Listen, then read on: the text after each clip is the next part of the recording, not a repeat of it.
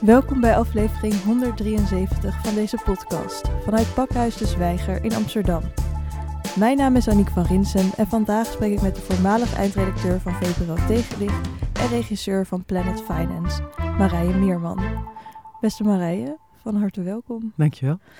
Um, ik heb jouw Spotify-playlist Planet Finance beluisterd. Ja.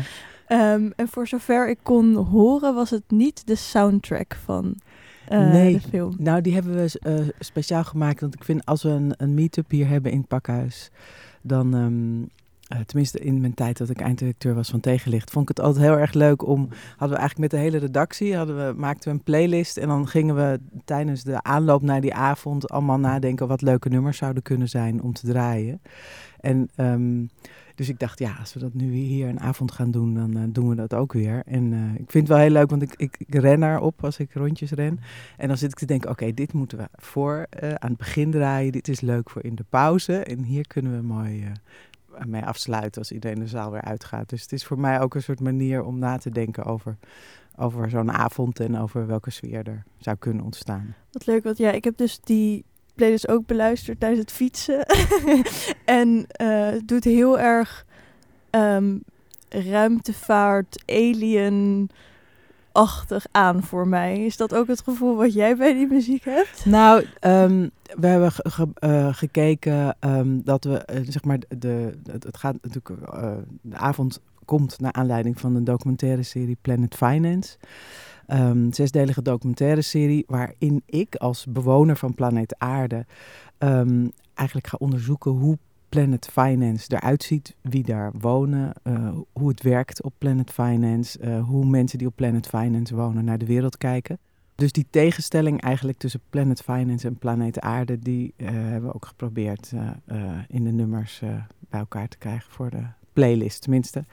Een heel mooi nummer van Prince bijvoorbeeld heet Planet Earth. Daar ben ik heel blij mee dat ik die heb gevonden. dus ik heb allemaal uh, ja, zitten zoeken op uh, ja, dus, zoektermen. Ja, dus het is dus zowel een soort van...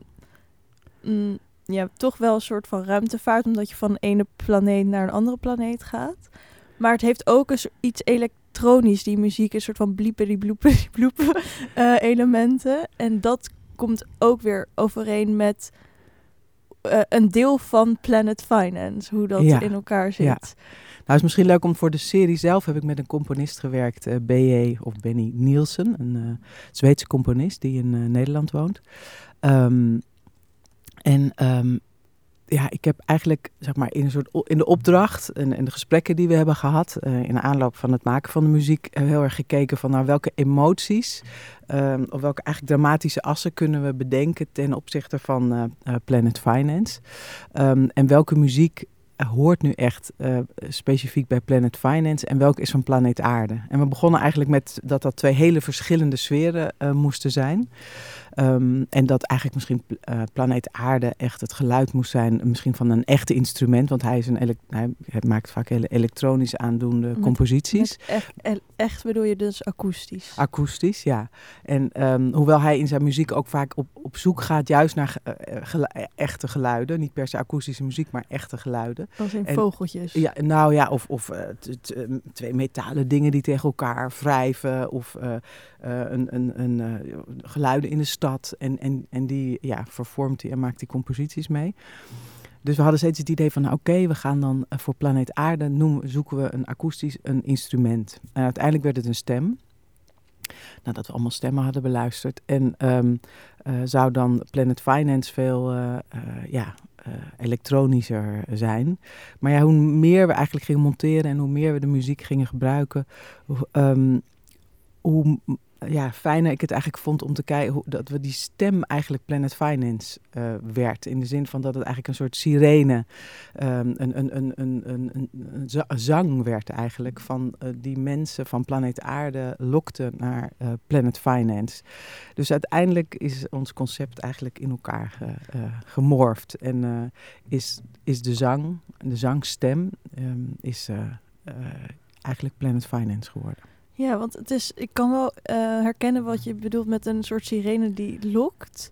Uh, het zegt zo, kom maar hier. Maar ook wel een beetje eng. Maar dat hoort eigenlijk ook wel bij een sirene, want ja, die, weet, die zijn ook doodeng eigenlijk. Ja, je weet ook niet waar je terecht komt natuurlijk. En dus dat, dat het gemorfd is, klopt ook met de, dat planeet Aarde en Planet Finance ook soort van en twee verschillende werelden zijn, maar ook eigenlijk dezelfde wereld zijn. Ja, ja.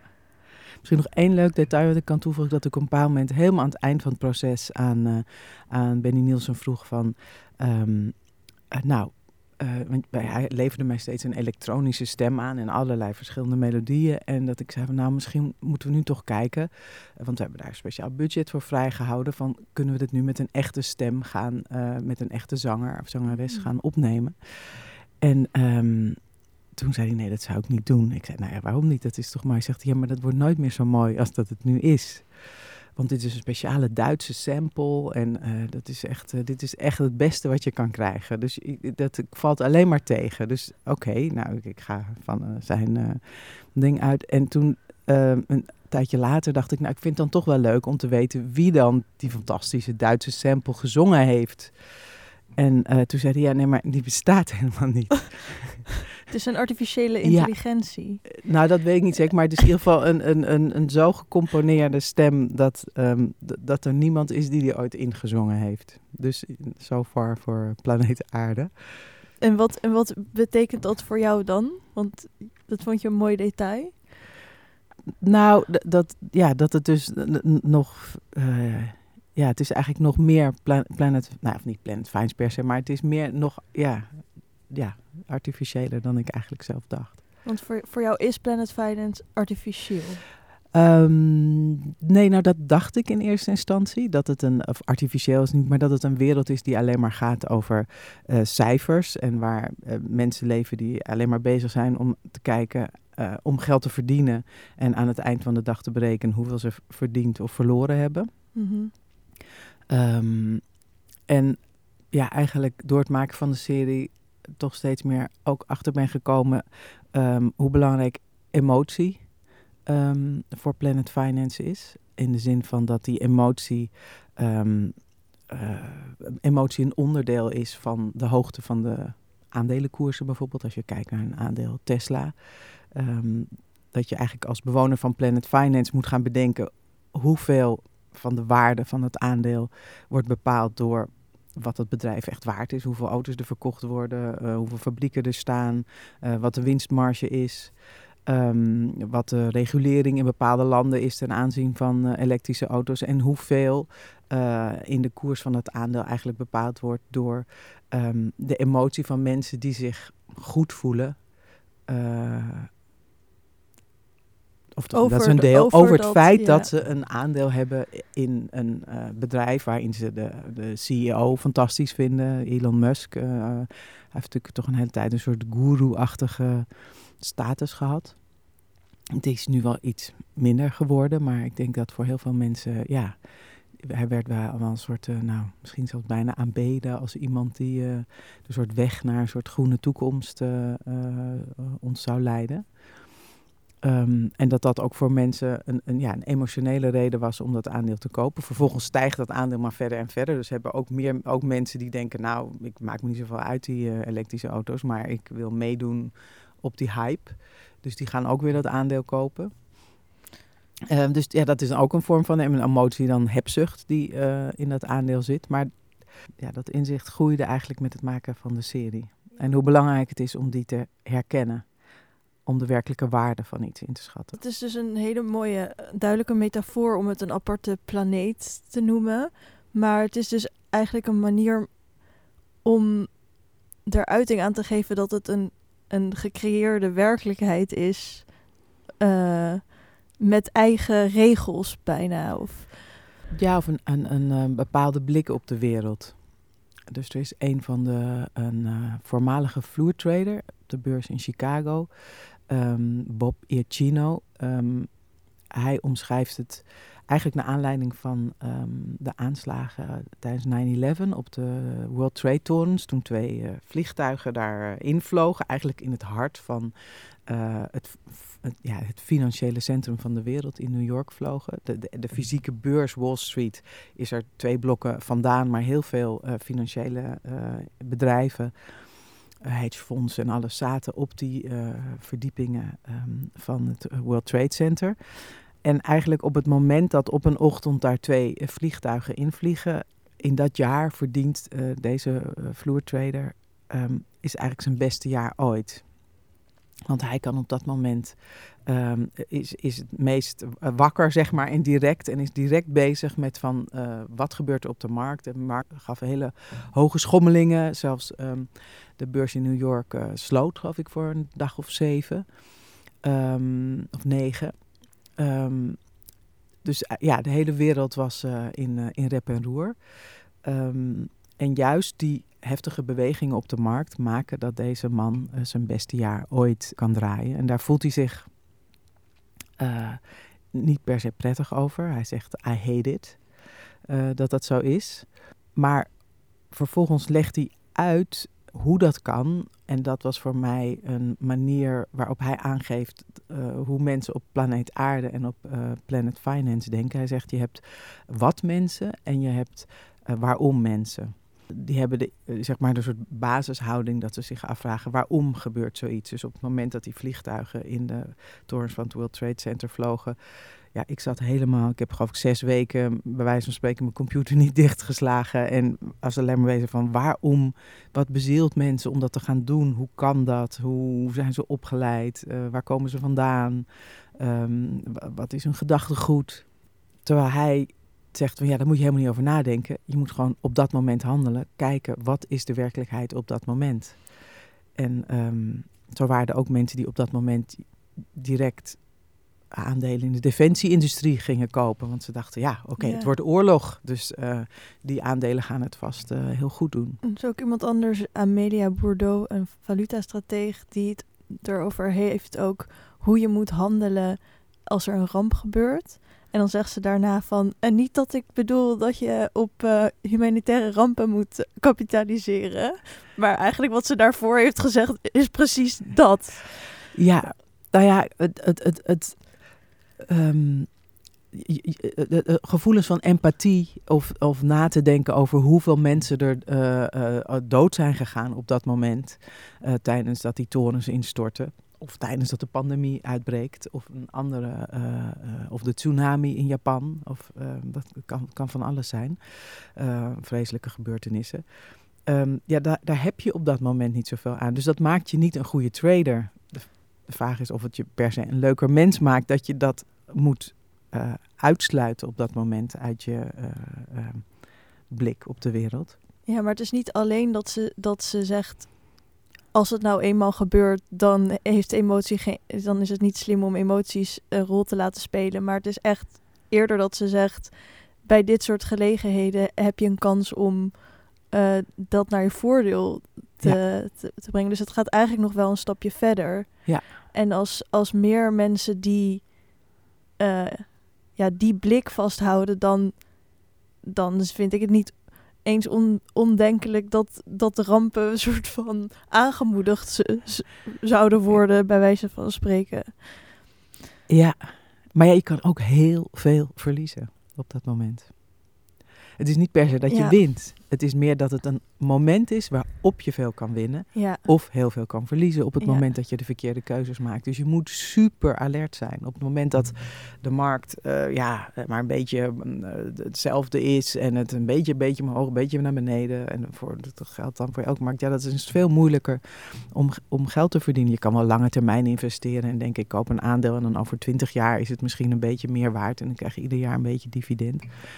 Maar dat is een heel andere uh, ja, instelling dan mensen die dag in dag uit eigenlijk worden afgerekend op wat ze uh, verdiend of verloren hebben.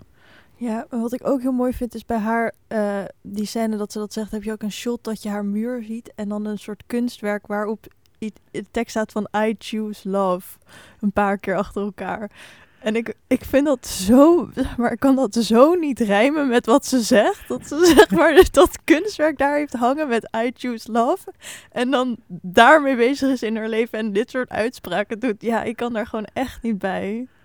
Nee, wat, wat denk je dan? Nou, hypocriet denk ik dan. dat denk ik dan. Ja, ik denk van hoe...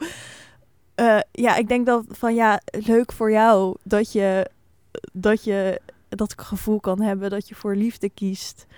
Maar ehm, dat rijmt gewoon niet in, voor mij. Dus Ja. dat zegt wel dat ik niet in Planet Venus woon, denk ik. Nee, je bent een bewoner van planeet Ja, Aarde. dat denk ik wel. Ehm, maar wat heb, je, had jij, heb jij dat ook met dat schilderij? Of?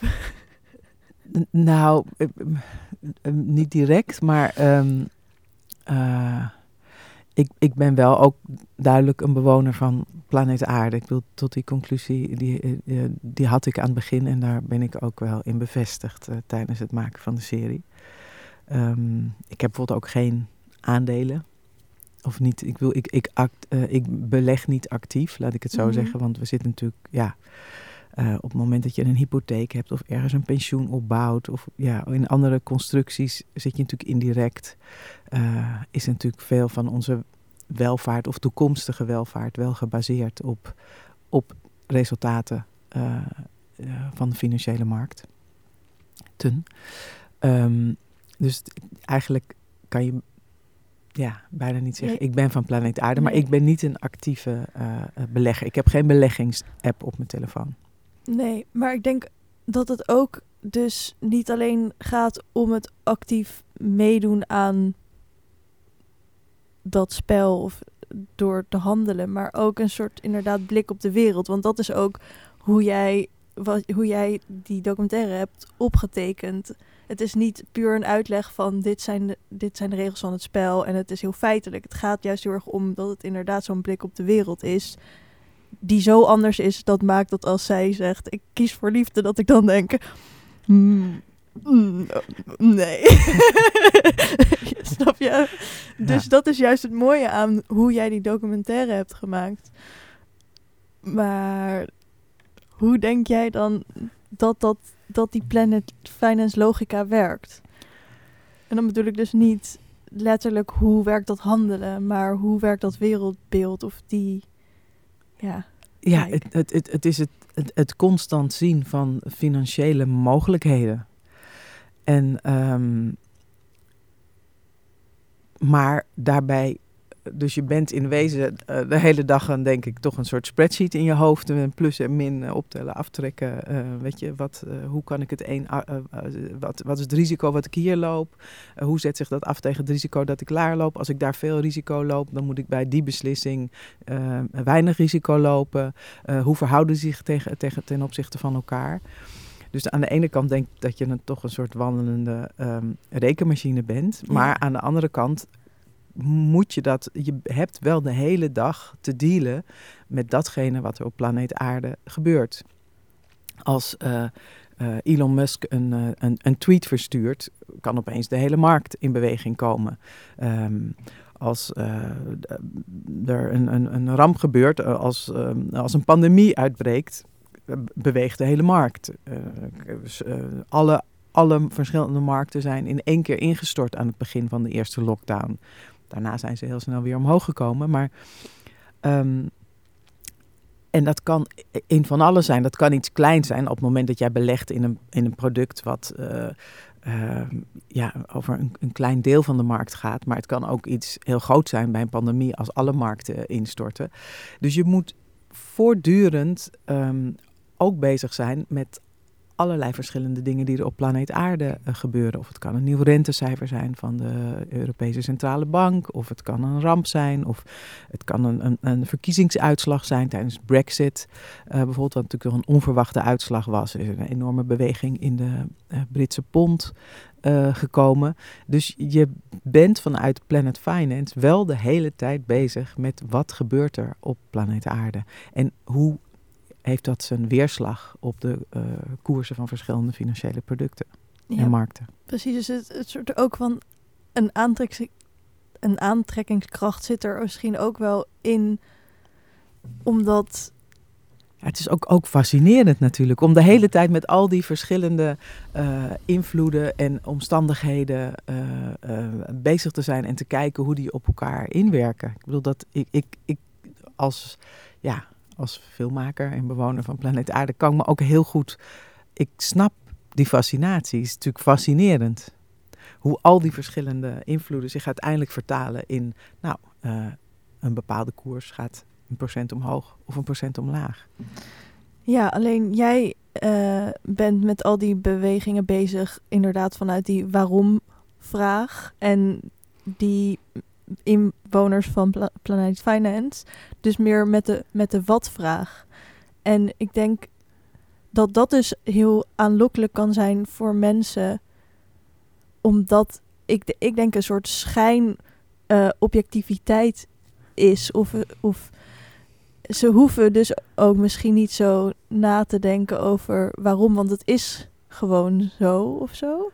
Maar dat is, klopt ook weer niet. Want waar je ook achter bent gekomen, is dat het dus juist ook weer zoveel te maken heeft met, met, met juist de waardes, de emotionele waardes, een soort van die ze op dingen plakken. Dus het is heel complex eigenlijk. Ja, het is niet heel eenduidig. Nee. Dus de, financiële markten worden ook wel omschreven als een complex systeem. Wat je ook, eh, zeg maar, hoe mierenkolonies functioneren of hoe het, het, het, het uh, um, functioneren van het weer wordt ook als een complex systeem uh, um, omschreven. Ik ben geen. Uh, ik heb geen natuurkundige achtergrond, maar hoe ik het begrijp, um, wat het, hoe je de financiële markten moet zien, dat het zijn allemaal eigenlijk ja, kleine, of niet kleine, maar verschillende onderdelen. Ik zie het als een soort waterbed. En op het moment dat, je, dat er in, op één markt of één onderdeel van die financiële markten iets gebeurt, of op planeet aarde iets gebeurt en met een invloed op één onderdeel, dan heeft dat een soort ja, uh, uh, rimpel-effect. Ja, golf, ja, golfeffect op andere uh, onderdelen van Planet Finance. Maar het is super ingewikkeld, of misschien eigenlijk wel, denk ik, zeg, sommige mensen zullen zeggen onmogelijk, om precies te voorspellen wat um, dat effect van dat ene moment van impact. Je krijgt eigenlijk ketting, verschillende kettingreacties. Um, dus ja, met dat zeg maar beeld voor ogen ben ik eigenlijk aan de serie begonnen. Um, daarom zitten we ook op heel veel plekken in de wereld. En heb ik ook steeds geprobeerd in de aflevering om te laten zien van op, er gebeurt iets in Japan. En wat is dan het effect daarvan um, in Australië? Of er gebeurt iets uh, op, uh, er gebeurt COVID. COVID ontstaat. Um, de mensen gaan geen olie uh, meer, uh, meer, gebruiken. Op de Noordzee liggen allemaal uh, volle tankers te wachten omdat, niet, omdat ze de olie niet meer kwijt kunnen. Wat is daar het effect dan vervolgens op de olieprijs van Amerikaanse olie midden in het hart van de Verenigde Staten, waar het oliefutures contract geleverd wordt in Cushing, Oklahoma. Dus ik, ik ben steeds bij alle verhalen op zoek gegaan van hoe kan ik laat, dat waterbedeffect eigenlijk laten zien. En um, uh, ja, eigenlijk hoe staan de dingen met elkaar in verbinding? Ja, en hoe, want er zijn heel veel mensen die dus geen bewoner zijn van Planet Finance. Uh, maar hoe staat, hoe is het aanwezig toch in het, in het leven van de mensen die eigenlijk niet eens doorhebben dat die wereld bestaat? Um, nou ja, ik, ik weet niet. Ik, ik heb een baan, dus ik zit in een. Uh, je hebt er geen keus. Ik zit in een pensioenfonds.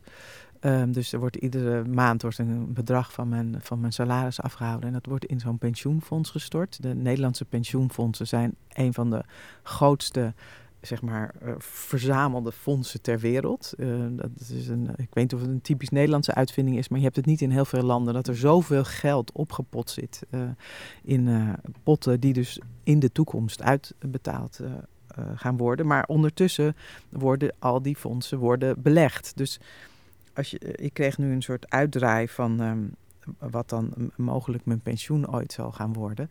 En dan krijg je een soort bandbreedte, zo van het, maximale en het minimaal. Het is niet zo van je krijgt zoveel, maar het ligt er maar aan wat er op de financiële markt gebeurt. Dus als er een enorme crash uh, komt, uh, dan krijg je dit. En als, er, als het helemaal fantastisch economisch gaat, dan krijg je dat. Maar dan nog, ja, die bandbreedte is ook maar een berekening. Je weet het niet, want je weet niet wat het, eh, het, het, de, de kettingreactie-effect uh, kan zijn op die markt op het moment dat er um, impactvolle gebeurtenissen ten positieve of negatieve gebeuren.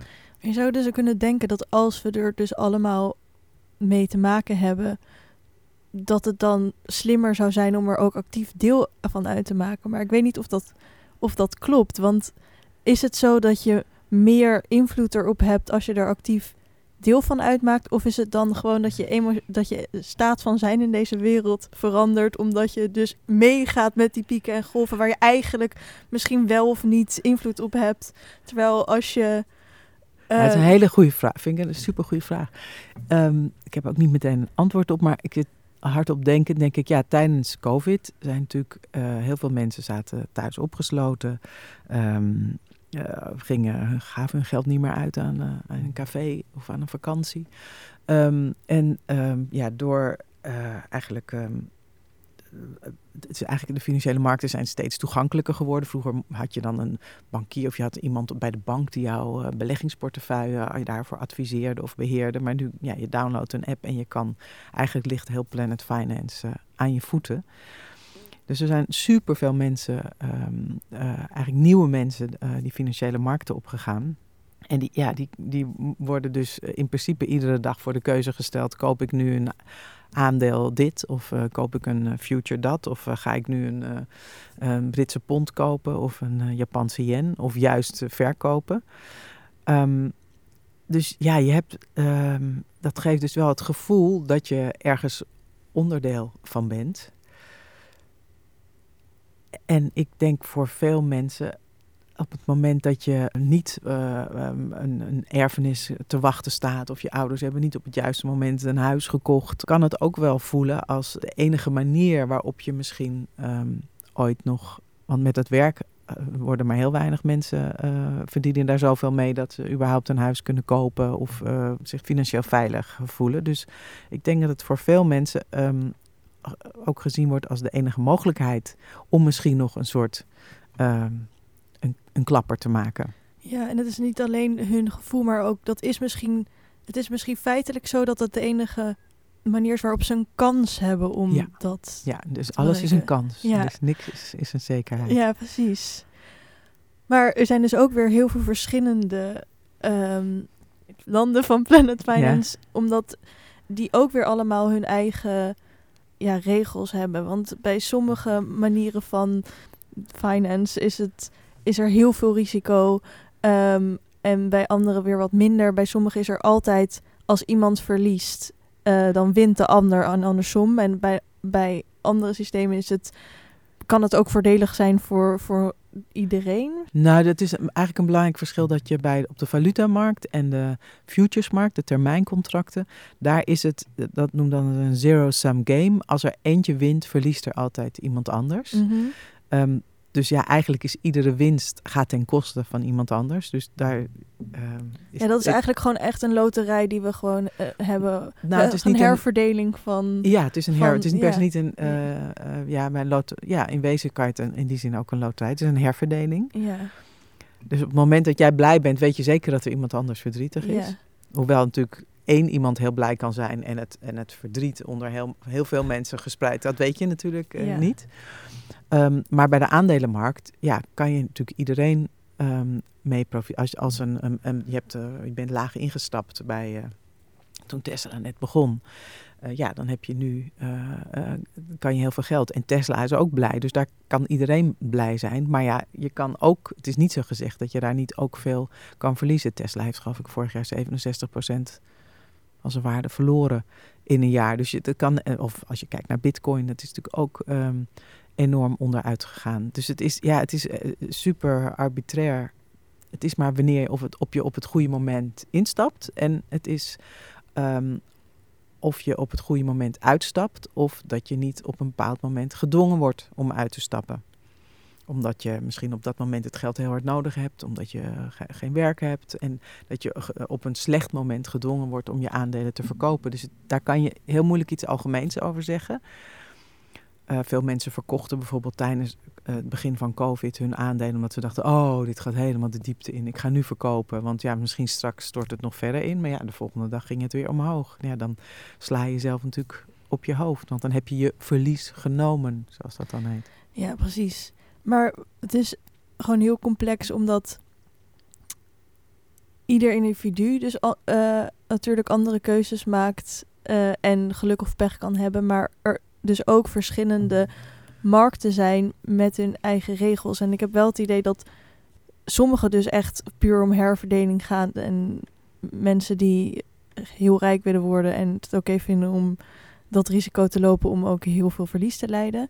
Maar andere markten zijn in principe ook ontstaan om, uh, ja, om een soort nut te hebben. Ja, een, aandelen, een aandelenmarkt is natuurlijk absoluut nuttig. Precies. Want je, je, ja, je geeft eigenlijk de mensen die kapitaal over hebben, um, uh, door het kopen van een aandeel, geef je dat aan een bedrijf en geef, stellen het daarom in staat om te groeien en om uiteindelijk meer geld te verdienen, wat uiteindelijk weer uh, ten goede komt van degene die daarin geïnvesteerd hebben. Precies. En dat is dus iets waarvan ik denk dat de meerderheid van de mensen wel zou kunnen inzien dat we dat, dat, dat dus nuttig kan zijn voor, voor de maatschappij in zijn algehele heelheid. Maar dan is het dus de vraag van hoe onderscheiden we dus ook weer die verschillen in Planet Finance van dit is echt voor, ja, voor zelfverrijking uh, ten koste van alles. En, en, en dit is weer een gedeelte van Planet Finance die in principe nuttig is. En daar horen nog steeds wel risico's bij. En daar kunnen nog steeds wel mensen in zitten die, uh, die niet, zo, uh, niet per se het beste belang voor hebben. Maar daar kunnen we dan ook weer wel weer mee omgaan. Ja. hoe maken we dat verschil? Oh, dat vind ik heel erg moeilijk. Ja, ik ook. Ja, nee, dat vind ik echt. Dat, maar dat kan ik, heb ik ook niet zo'n antwoord op. Ik bedoel, ik voel helemaal aan wat je zegt. En ik, en, maar om dan te zeggen van ja, daar, uh, ik, daar is het niet meer goed en daar nog wel, dat vind ik echt heel erg lastig om, uh, om aan te geven. Ik denk ook niet dat daar per se een harde scheidslijn in is. Maar ik vraag me ook heel erg af hoe dus die verschillende mensen die jij hebt geïnterviewd met die vraag omgaan. Want ik zie sommigen daar ook wel heel erg mee worstelen. En ook een paar die ook zeggen van ja, vroeger was het veel duidelijker dat het een, een nut had. Of zeg maar, we hadden de markt ook ingericht om een nuttige functie te hebben. Maar het wordt steeds, eh, steeds uh, minder eigenlijk. En aan het eind van de serie zegt ook iemand van het, het is eigenlijk nu het in in de geschiedenis het meest een soort van gokkast geworden. Een casino geworden. Een casino ja, geworden. Ja, ja, In plaats van een, een, een nutbeoefende... Uh, ja, dat het een, een, een, een, nuttig is voor de samenleving. Ja, ja er zit ook een, een, uh, een visualisatie in, in, in aflevering 1... waarin we laten zien hoe zeg maar, eigenlijk in begin jaren tachtig eigenlijk de waarden van uh, Planet Finance en Planet Aarde nog ongeveer gelijk uh, waren. En dat eigenlijk die Planet Finance maar gegroeid en gegroeid en gegroeid is. Dus er is product op product op product op product. Wat je natuurlijk ook tijdens de hypotheek, uh, de giftige hypotheekcrisis in 2008 zag, wat toen eigenlijk geëxplodeerd is. Er is absoluut een deel van Planet Finance wat um, ja, op zichzelf kapitaliseert. Wat zo'n grote uh, uh, vorm heeft aangenomen dat je dat je, toch echt heel erg kan afvragen hoe nuttig uh, dat is. En daar wordt natuurlijk regulering is daarvoor. Er is natuurlijk heel veel gereguleerd sinds 2008. Maar veel mensen die ik sprak zich ook zorgen over maken is het, het, um, het geldcreatiebeleid. Uh, wat centrale banken um, uh, eigenlijk in Europa en Amerika sinds 2008 gedaan uh, hebben. En waar ze nu ja, eigenlijk pas van terugkomen. Wat heel veel geld eigenlijk ja, in de sector gepompt heeft. En waar je kan af, van af kan vragen waar dat dan uiteindelijk wie daar uiteindelijk van geprofiteerd hebben. Maar ja, dat laat ik, die, die analyses laat ik aan anderen over. Ja, want er is ook, uh, ik ben zijn naam kwijt, maar die aan het begin uh, in de eerste aflevering voorkomt, die vloertrader was. En ook Michael heel, Marks, de oprichter ja. van de Olie Futures ja, uh, precies. Exchange. Ja, precies. Hij zei dat ook heel specifiek, dat markt, dat, dat we ook, of hij in ieder geval wel mogelijkheden ziet om markten zo in te, te richten dat ze nuttig zijn. Nou, hij zegt een markt is in principe nuttig, want um, hij is die uh, Olie Futures Exchange begonnen, omdat hij zei daarvoor, dat is, uh, ja, dat vond ik in eerste instantie, dacht ik, oh ja, daar had ik eigenlijk al niet zo over nagedacht, dat je um, olie was een, een werden veel belangrijke producten, was, waar, daar was prijsbeheersing voor. Dus de prijs voor melk of gaan of olie werd voor olie specifiek werd of bepaald door overheden, zeker na de Tweede Wereldoorlog. Maar voor olie werd die eigenlijk die prijs bepaald door de zeven grootste oliemaatschappijen ter wereld. Toen kwamen de OPEC, dat waren de olieproducerende landen, die werden, een, uh, die werden steeds uh, machtiger. Die kregen meer invloed. De kolonisatie, de werden, landen werden onafhankelijk. Um, en die gingen vervolgens uh, uh, de olieprijs bepalen. Die dachten, waarom um, kunnen die oliemaatschappijen dat bepalen? Wij, het is, uh, de, de, die olie komt uit onze bodem. Dus Michael Marks dacht van, ja, dat is een hele arbitraire manier. Het is eigenlijk door een kartel wordt dat bepaald. Dus op het moment dat we daar een future, een termijncontract voor bedenken, waarbij je een, een, een prijs, een datum en een plek in de toekomst afspreekt, wanneer je dat product gaat leveren um, dan kunnen we die prijs, wordt eigenlijk uh, ja, door speculatie bepaald. En dan is het een duidelijker, hij hoopte dat dat een stabi meer stabielere olieprijs uh, tot gevolg kon hebben. En die ja, eigenlijk onder, onder marktmechanismen bepaald wordt. En niet omdat OPEC zegt het is zoveel of het is zoveel. Dus dat was, um, en dat werkte in eerste instantie ook. Maar um, ja, uiteindelijk zijn andere krachten op die markt gekomen en zijn er supergrote partijen en speculanten. Ja, die die prijzen zo laten fluctueren, omdat ze daar ook weer voordeel van hebben. Het zijn altijd die paar rotte appels. uh, dat je je kan afvragen of die markt uh, nu nog wel goed functioneert. En nou ja, dat zag je nu met de exorbitante winst die uh, Shell en andere grote oliemaatschappijen dit jaar verdient. Heb ik geloof Shell 40 miljard uh, dollar in één jaar uh, verdiend heeft. En wat je ook tijdens COVID verdiende Shell ook heel veel geld. Terwijl de prijzen op, een, op zijn allerlaagst waren op dat moment op de markt. Zelfs eventjes uh, negatief op de, op de Amerikaanse oliefuturesmarkt. Maar omdat die oliemaatschappijen ook trading desks hebben, dus ze zijn eigenlijk niet alleen een oliemaatschappij, maar ze zijn ook een speculant. En ze hebben natuurlijk bij, ja, beter overzicht dan heel veel andere partijen over het hele traject uh, uh, van uit de grond boren tot aflevering van olie. In dit geval, um, ja, hebben ze eigenlijk, het is geen voorkennis, maar ze hebben zoveel kennis dat ze ja, zich heel goed in de markt kunnen zetten. En dus uh, grote oliemaatschappijen hebben tijdens die hele lage olieprijzen juist ook heel goed geboerd. Dus dat voelt heel contrair. Dus niet alleen op het moment dat de prijzen hoog zijn, dan kan je het nog voorstellen. Oké, ja, we betalen nu allemaal zoveel. Als zij een percentage van hun winst is over die prijs, dan is die winst van hun dus ook hoog. Maar ook toen de prijzen heel laag waren. Ja, precies. En als het nou echt uh, aparte mensen of aliens op Planet Finance waren, dan zou ik zeggen, jullie mogen lekker doen wat jullie willen, uh, jullie eigen realiteit hebben. Maar aangezien ze toch ook op aarde bestaan, is het best wel uh, een dingetje dat wij niet echt, ja, dat wij niet echt antwoorden hebben op wat nog in ons belang is en dat we daar ook echt eigenlijk helemaal geen invloed op hebben en dat er toch een soort idee heerst van dat is een soort van objectieve rekenkundige wereld waar, we, waar, waar geen plek is voor um, moraal of zo. Mm -hmm. Terwijl het juist ook heel erg op hun op, op eigen morale rust. Ja. En het is, ik wil niet zeggen van we moeten het nu met z'n allen gaan reguleren, maar het is wel, het is wel lastig hoe het, hoe het nu in elkaar steekt. Ja, ja. Ja, ik, ik vind het heel lastig om daar. Ik, er is natuurlijk, wordt natuurlijk gereguleerd. Ja. Uh, er zijn uh, to toezichthouders, maar um, ja, daar kan je ook van alles over zeggen van uh, in hoeverre um, is daar genoeg geld voor die toezichthouders? zijn die onafha echt onafhankelijk? Er zijn natuurlijk in het verleden ook grote fouten gemaakt, zeker tijdens de um, crisis in 2008 in de Verenigde Staten.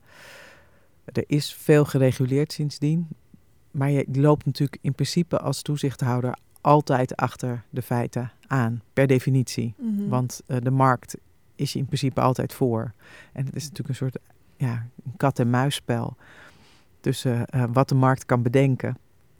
En wat voor loopholes of opportunities zich aandienen. En de, en de toezichthouder die daar in principe altijd uh, achteraan zal lopen.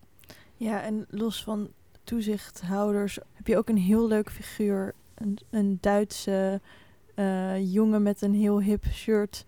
Die op een gegeven moment als zijn computer ook heel hard zit te lachen en een, een soort van Reddit-pagina volgt om maar eh, ja, een soort van wat macht terug te grijpen. Ja, ja dat is uh, Vincent Stoek. Hij is een Oostenrijkse student. Oh, Oostenrijkse. Oostenrijkse student. En hij um, um, belegt in het aandeel GameStop. GameStop, dat um, volgens mij is en bestaan nog steeds een, um, een winkelketen in, uh, in videospelletjes waar je videospelletjes op DVD koopt.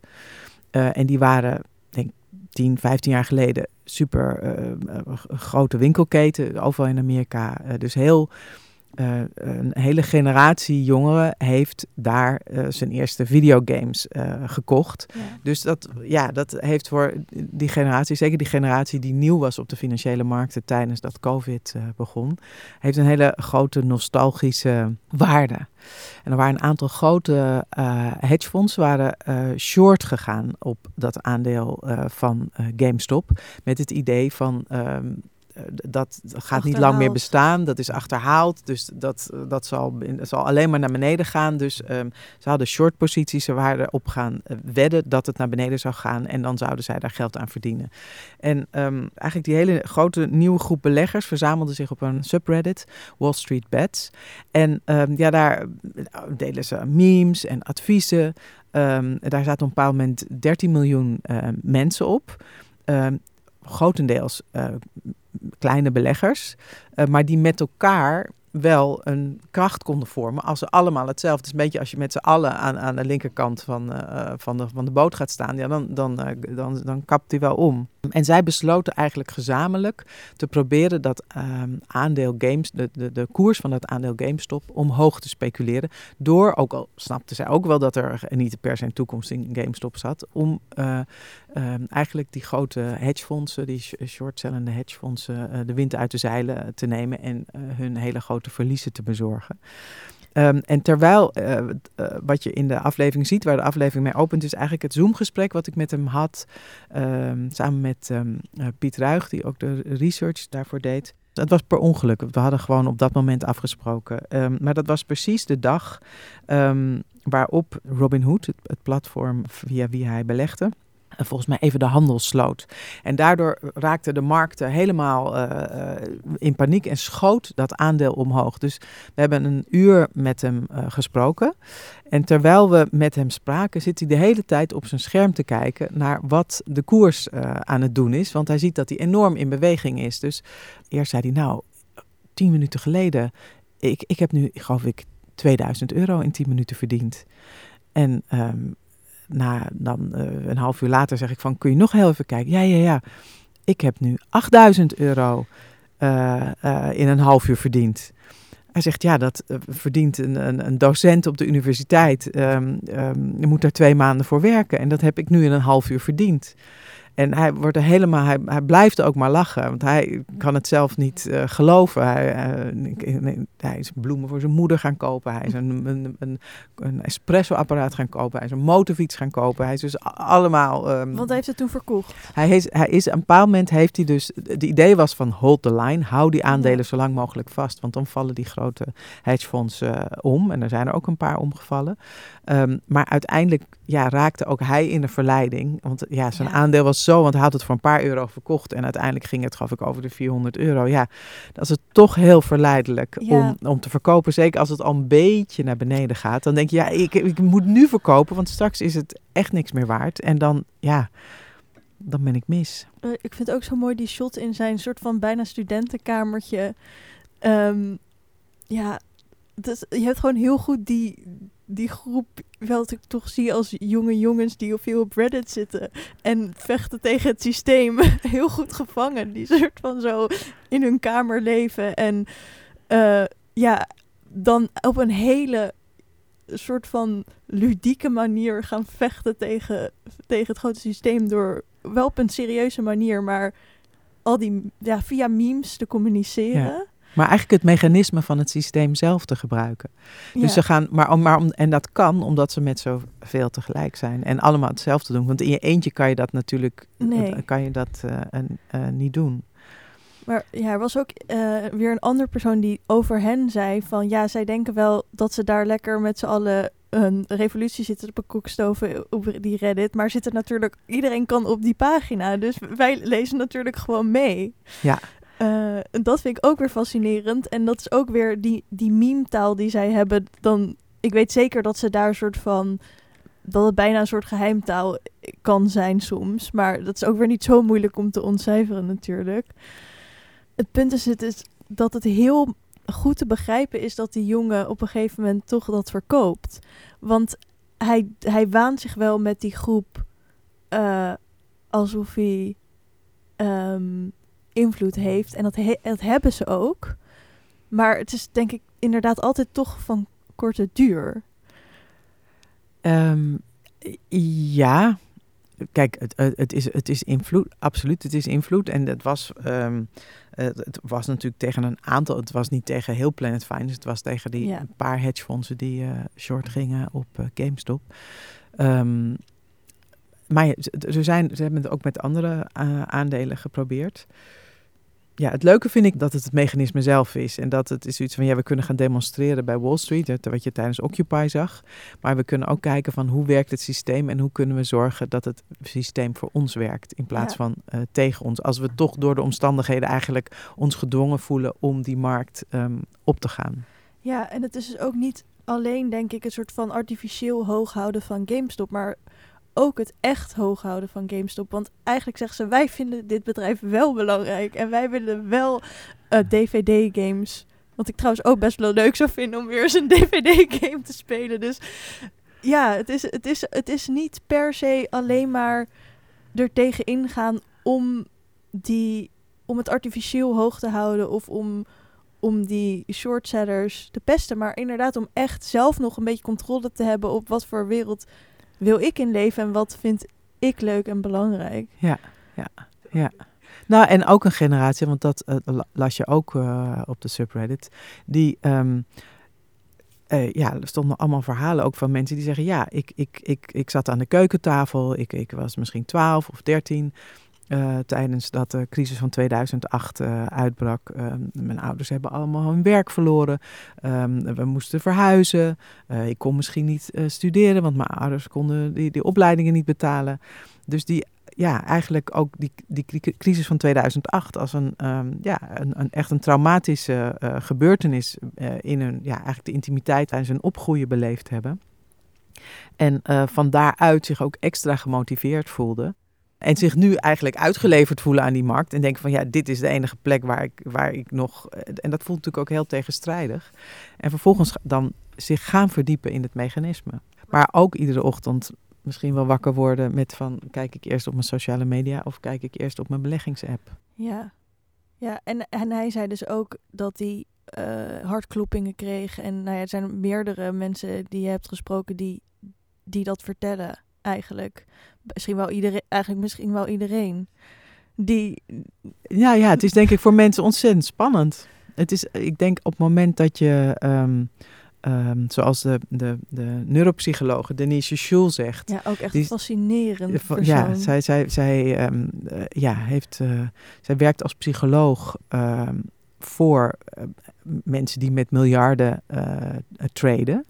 En hele eh, grote, hoe heet het, dus, uh, mensen die in sport hoog niveau moeten presteren. Maar ze heeft dus cliënten over de hele wereld. En die zitten dus voor, zij heeft zelf um, op, als trader gewerkt. dus ze begrijpt hun, hun dilemma's. Um, en ja, ze staat ze dus bij. Dus ze praat één à twee keer per week met ze. Um, en ja, probeert ze te steunen in, uh, in, in, in de dilemma's die ze tegenkomen. En wat zij duidelijk zegt is van ja, als je op Planet Finance je begeeft of, of wil verblijven, je moet echt houden van risico. Dat moet je echt leuk vinden. Op het moment dat jij um, daar heel nerveus van wordt en hartkloppingen van krijgt en uh, daar eigenlijk helemaal niet tegen kan, ja, dan is het misschien niet de beste plek om uh, te verblijven. Nee, precies. Maar zelfs mensen die daar relatief goed tegen bestand zijn, die krijgt misschien niet hartkloppingen, maar wat waar zij het dan met één cliënt over heeft, is toch ook een soort van gevoel van falen als ze niet bepaalde. Ja, als je geen geld verdient. Ja. Hebt. Ja, dus hoe, hoeveel gaat dat over wie jij bent? Of gaat het alleen maar over uh, wat je werk is? Ja, het lijkt mij dus echt gewoon niet de moeite waard. om, om ja, misschien wel heel veel geld te verdienen, maar constant dat, de, ik zou dat echt als zo'n grote last ervaren. Om daar met je in je hoofd constant mee bezig Ja. te moeten zijn. Ja. Ja. Ja. En, en ik denk dus ook wel dat ik wel een fysieke reactie erop zou hebben. En ik denk toch ook wel de meeste mensen. Want die, eh, die man die van de olie eh, futures, die zei ook... Ja, het voelt gewoon alsof je ehm, elke dag je ballen op tafel legt... en iemand met een mes erboven staat. ja, dus hij is een voormalig vloertrader ook, Dan Dikker. Ja. Ehm, ehm, dus ik, ik, ik, ik vraag hem, hoe voelde dat nou om daar iedere dag die eh, vloer op te gaan? Dat was toen de vloer nog een, een, een, een handelsvloer was waar, dus een, een, waar iedereen fysiek stond. Nu zijn het allemaal eh, computers, maar ehm, tot zeg maar ongeveer eh, begin jaren nul, ah, ja, waar dat nog over het algemeen... eh, eh, handelsvloeren waar mensen echt fysiek en waar het eigenlijk ook een soort, als een soort sportwedstrijd eh, je erop moest staan en je dus aan het traden was in, in verschillende producten. Ehm, en hij omschrijft het van ja, het is alsof je iedere dag weer je ballen op tafel moet leggen, een, een- mes geeft aan degene naast je en eh, moet bepalen wanneer die ander gaat toeslaan en of je op tijd, eh, eh, genoeg, op tijd je, je ballen weer van tafel getrokken hebt. Zo erf, ja, omschrijft hij de stress die hij eh, daar dag in dag uit op die vloer ehm, meemaakte. En ja, je ziet ook dat het is een vak waar je niet per se heel oud in wordt. Nee, het is zeg maar misschien wel een lange termijn investering in heel veel geld, maar niet in je gezondheid of in je levensduur. Nee, nee, nee, nee. En, en het grap, of, nou, het is niet per se grappig, maar ehm, eh, die groep mensen van eh, die specifieke olie eh, Futures Exchange in New York, die zijn uiteindelijk uitgekocht toen de, ehm, toen de beurs was eerst een club, dus ze waren ze allemaal lid en ze hadden een, betaald voor hun lidmaatschap. En toen die beurs uiteindelijk ehm, publiek werd, dus een beursgang maakte en er aandeelhouders kwamen van, van die beurs, werden ze dus uitgekocht en heeft hij eh 11 miljoen eh, dollar eh, daarmee verdiend. Veel meer zegt hij dan dat hij ooit met de trader verdiend heeft. Maar dat hebben dus al die 400 leden van die exchange hebben zoveel geld gekregen. En ehm, hij vertelde dat ja, op een paar na, waaronder hij zelf, ehm, is verder bijna iedereen heeft dat geld ook binnen een hele korte tijd weer verloren of verkeerd Oh, nee. geïnvesteerd. Dus het feit dat je de hele dag met geld bezig bent en aan het traden bent, betekent niet per se dat je er ook op een hele wijze manier mee om kan gaan. Ja, maar hij dus wel. Hij wel. Ja. Ja. Wat denk je dat hem dat inzicht wel, wat ma- maakt dat hij nog wel... Hij heeft denk ik toch, wel een soort, toch wel een soort nuchterheid nog gehouden. Ja, ik denk dat hij een soort. Hij was. eh, hij trade alleen voor zichzelf. Hij was. ehm, en ja, hij heeft een soort. eh, ehm, ja, misschien basiswantrouwen naar de mensen in het algemeen die hem. ehm, ja, je ziet het ook met mensen die de loterij winnen. Dat zijn ook volgens mij. eh, ja, hoor je toch ook vaak van mensen die. eh, eh, ja, daar toch heel erg slecht mee om kunnen gaan als je opeens zo'n heel groot eh, bedrag je toevalt. Niet aan beginnen dus. Nou ja, Dat mag iedereen voor zichzelf Ja. bepalen. Ehm, je bent echt heel goed in het optekenen van gecreëerde werkelijkheden. Eh, hoe komt dat en hoe doe je dat? Ehm, ja. Wat, ik fascinerend vind als maker, zeg maar ook afgezien van alle maatschappelijke eh, en menselijke implicaties van, eh, van Planet Finance, vind ik het ja, juist als filmmaker op een of andere manier ook interessant om te kijken van hoe kan je een wereld die eigenlijk onzichtbaar is, maar wel eh alomtegenwoordig, hoe kan ik die zichtbaar eh, proberen te maken? Dat vind ik een ja, op een of andere manier vind ik dat een hele leuke uitdaging. En eh, ja, finance eh, leent zich daar voor. Dus we hebben ook. ehm, eh, in het team zat ook Femke Herregraven, een kunstenaar en designer en animatoren van Jeroen Schellekens en ehm, Mark Visser van Motorco. Die, we hebben met z'n allen heel erg gewerkt aan hoe kunnen we Normaal is eh, Planet Finance, dat zie je in een grafiek. In je, of in je economieboek of op de voorkant van de krant. Ehm, eh, zo is de koers vandaag. eh, van, die, eh, van, van, van die aandelenbeurs, van die valuta, eh, van, van de futuresmarkt. Dit is de prijs van de oliefutures vandaag.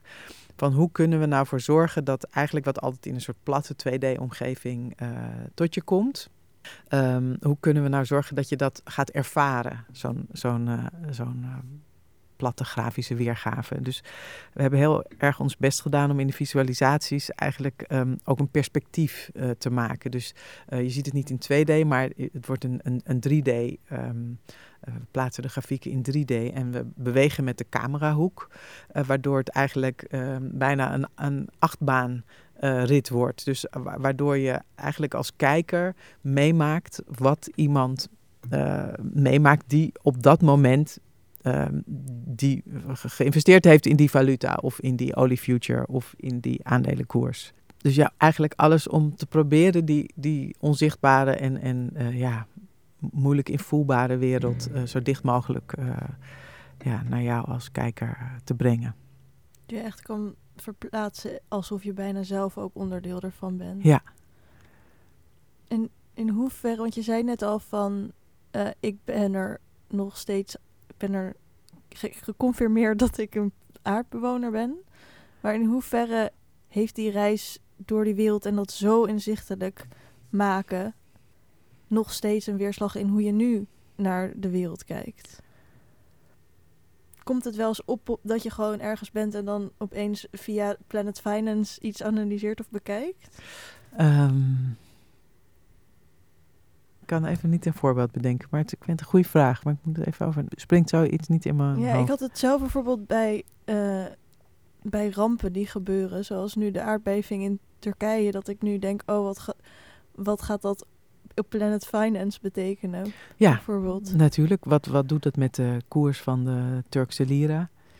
Um, ik weet dat er uh, Japanse uh, vrouwen de Mrs. Watanabes worden ze wel genoemd, die veel uh, speculeren op valuta, dat die heel veel in de Turkse lira uh, zitten. Oh, ja. Want er zit heel veel beweging in vanwege het soms wat onafvolgbare beleid van Erdogan. Dus is er veel volatiliteit, dus er valt ook te winnen en te verliezen.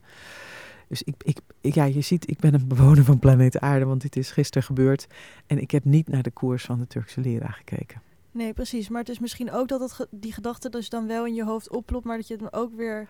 Ik, ik moet eerlijk zeggen, ik heb gewoon gekeken naar hoeveel doden er waren gevallen. En ik heb niet naar de koers van de Turkse lira gekeken. Misschien moet ik dat zo even gaan doen. Nou, ik, nou, ik zou wel zeggen van niet. Per se, toch? Ik, ik, wat heeft dat voor toegevoegde waarde als je daar naar zou kijken?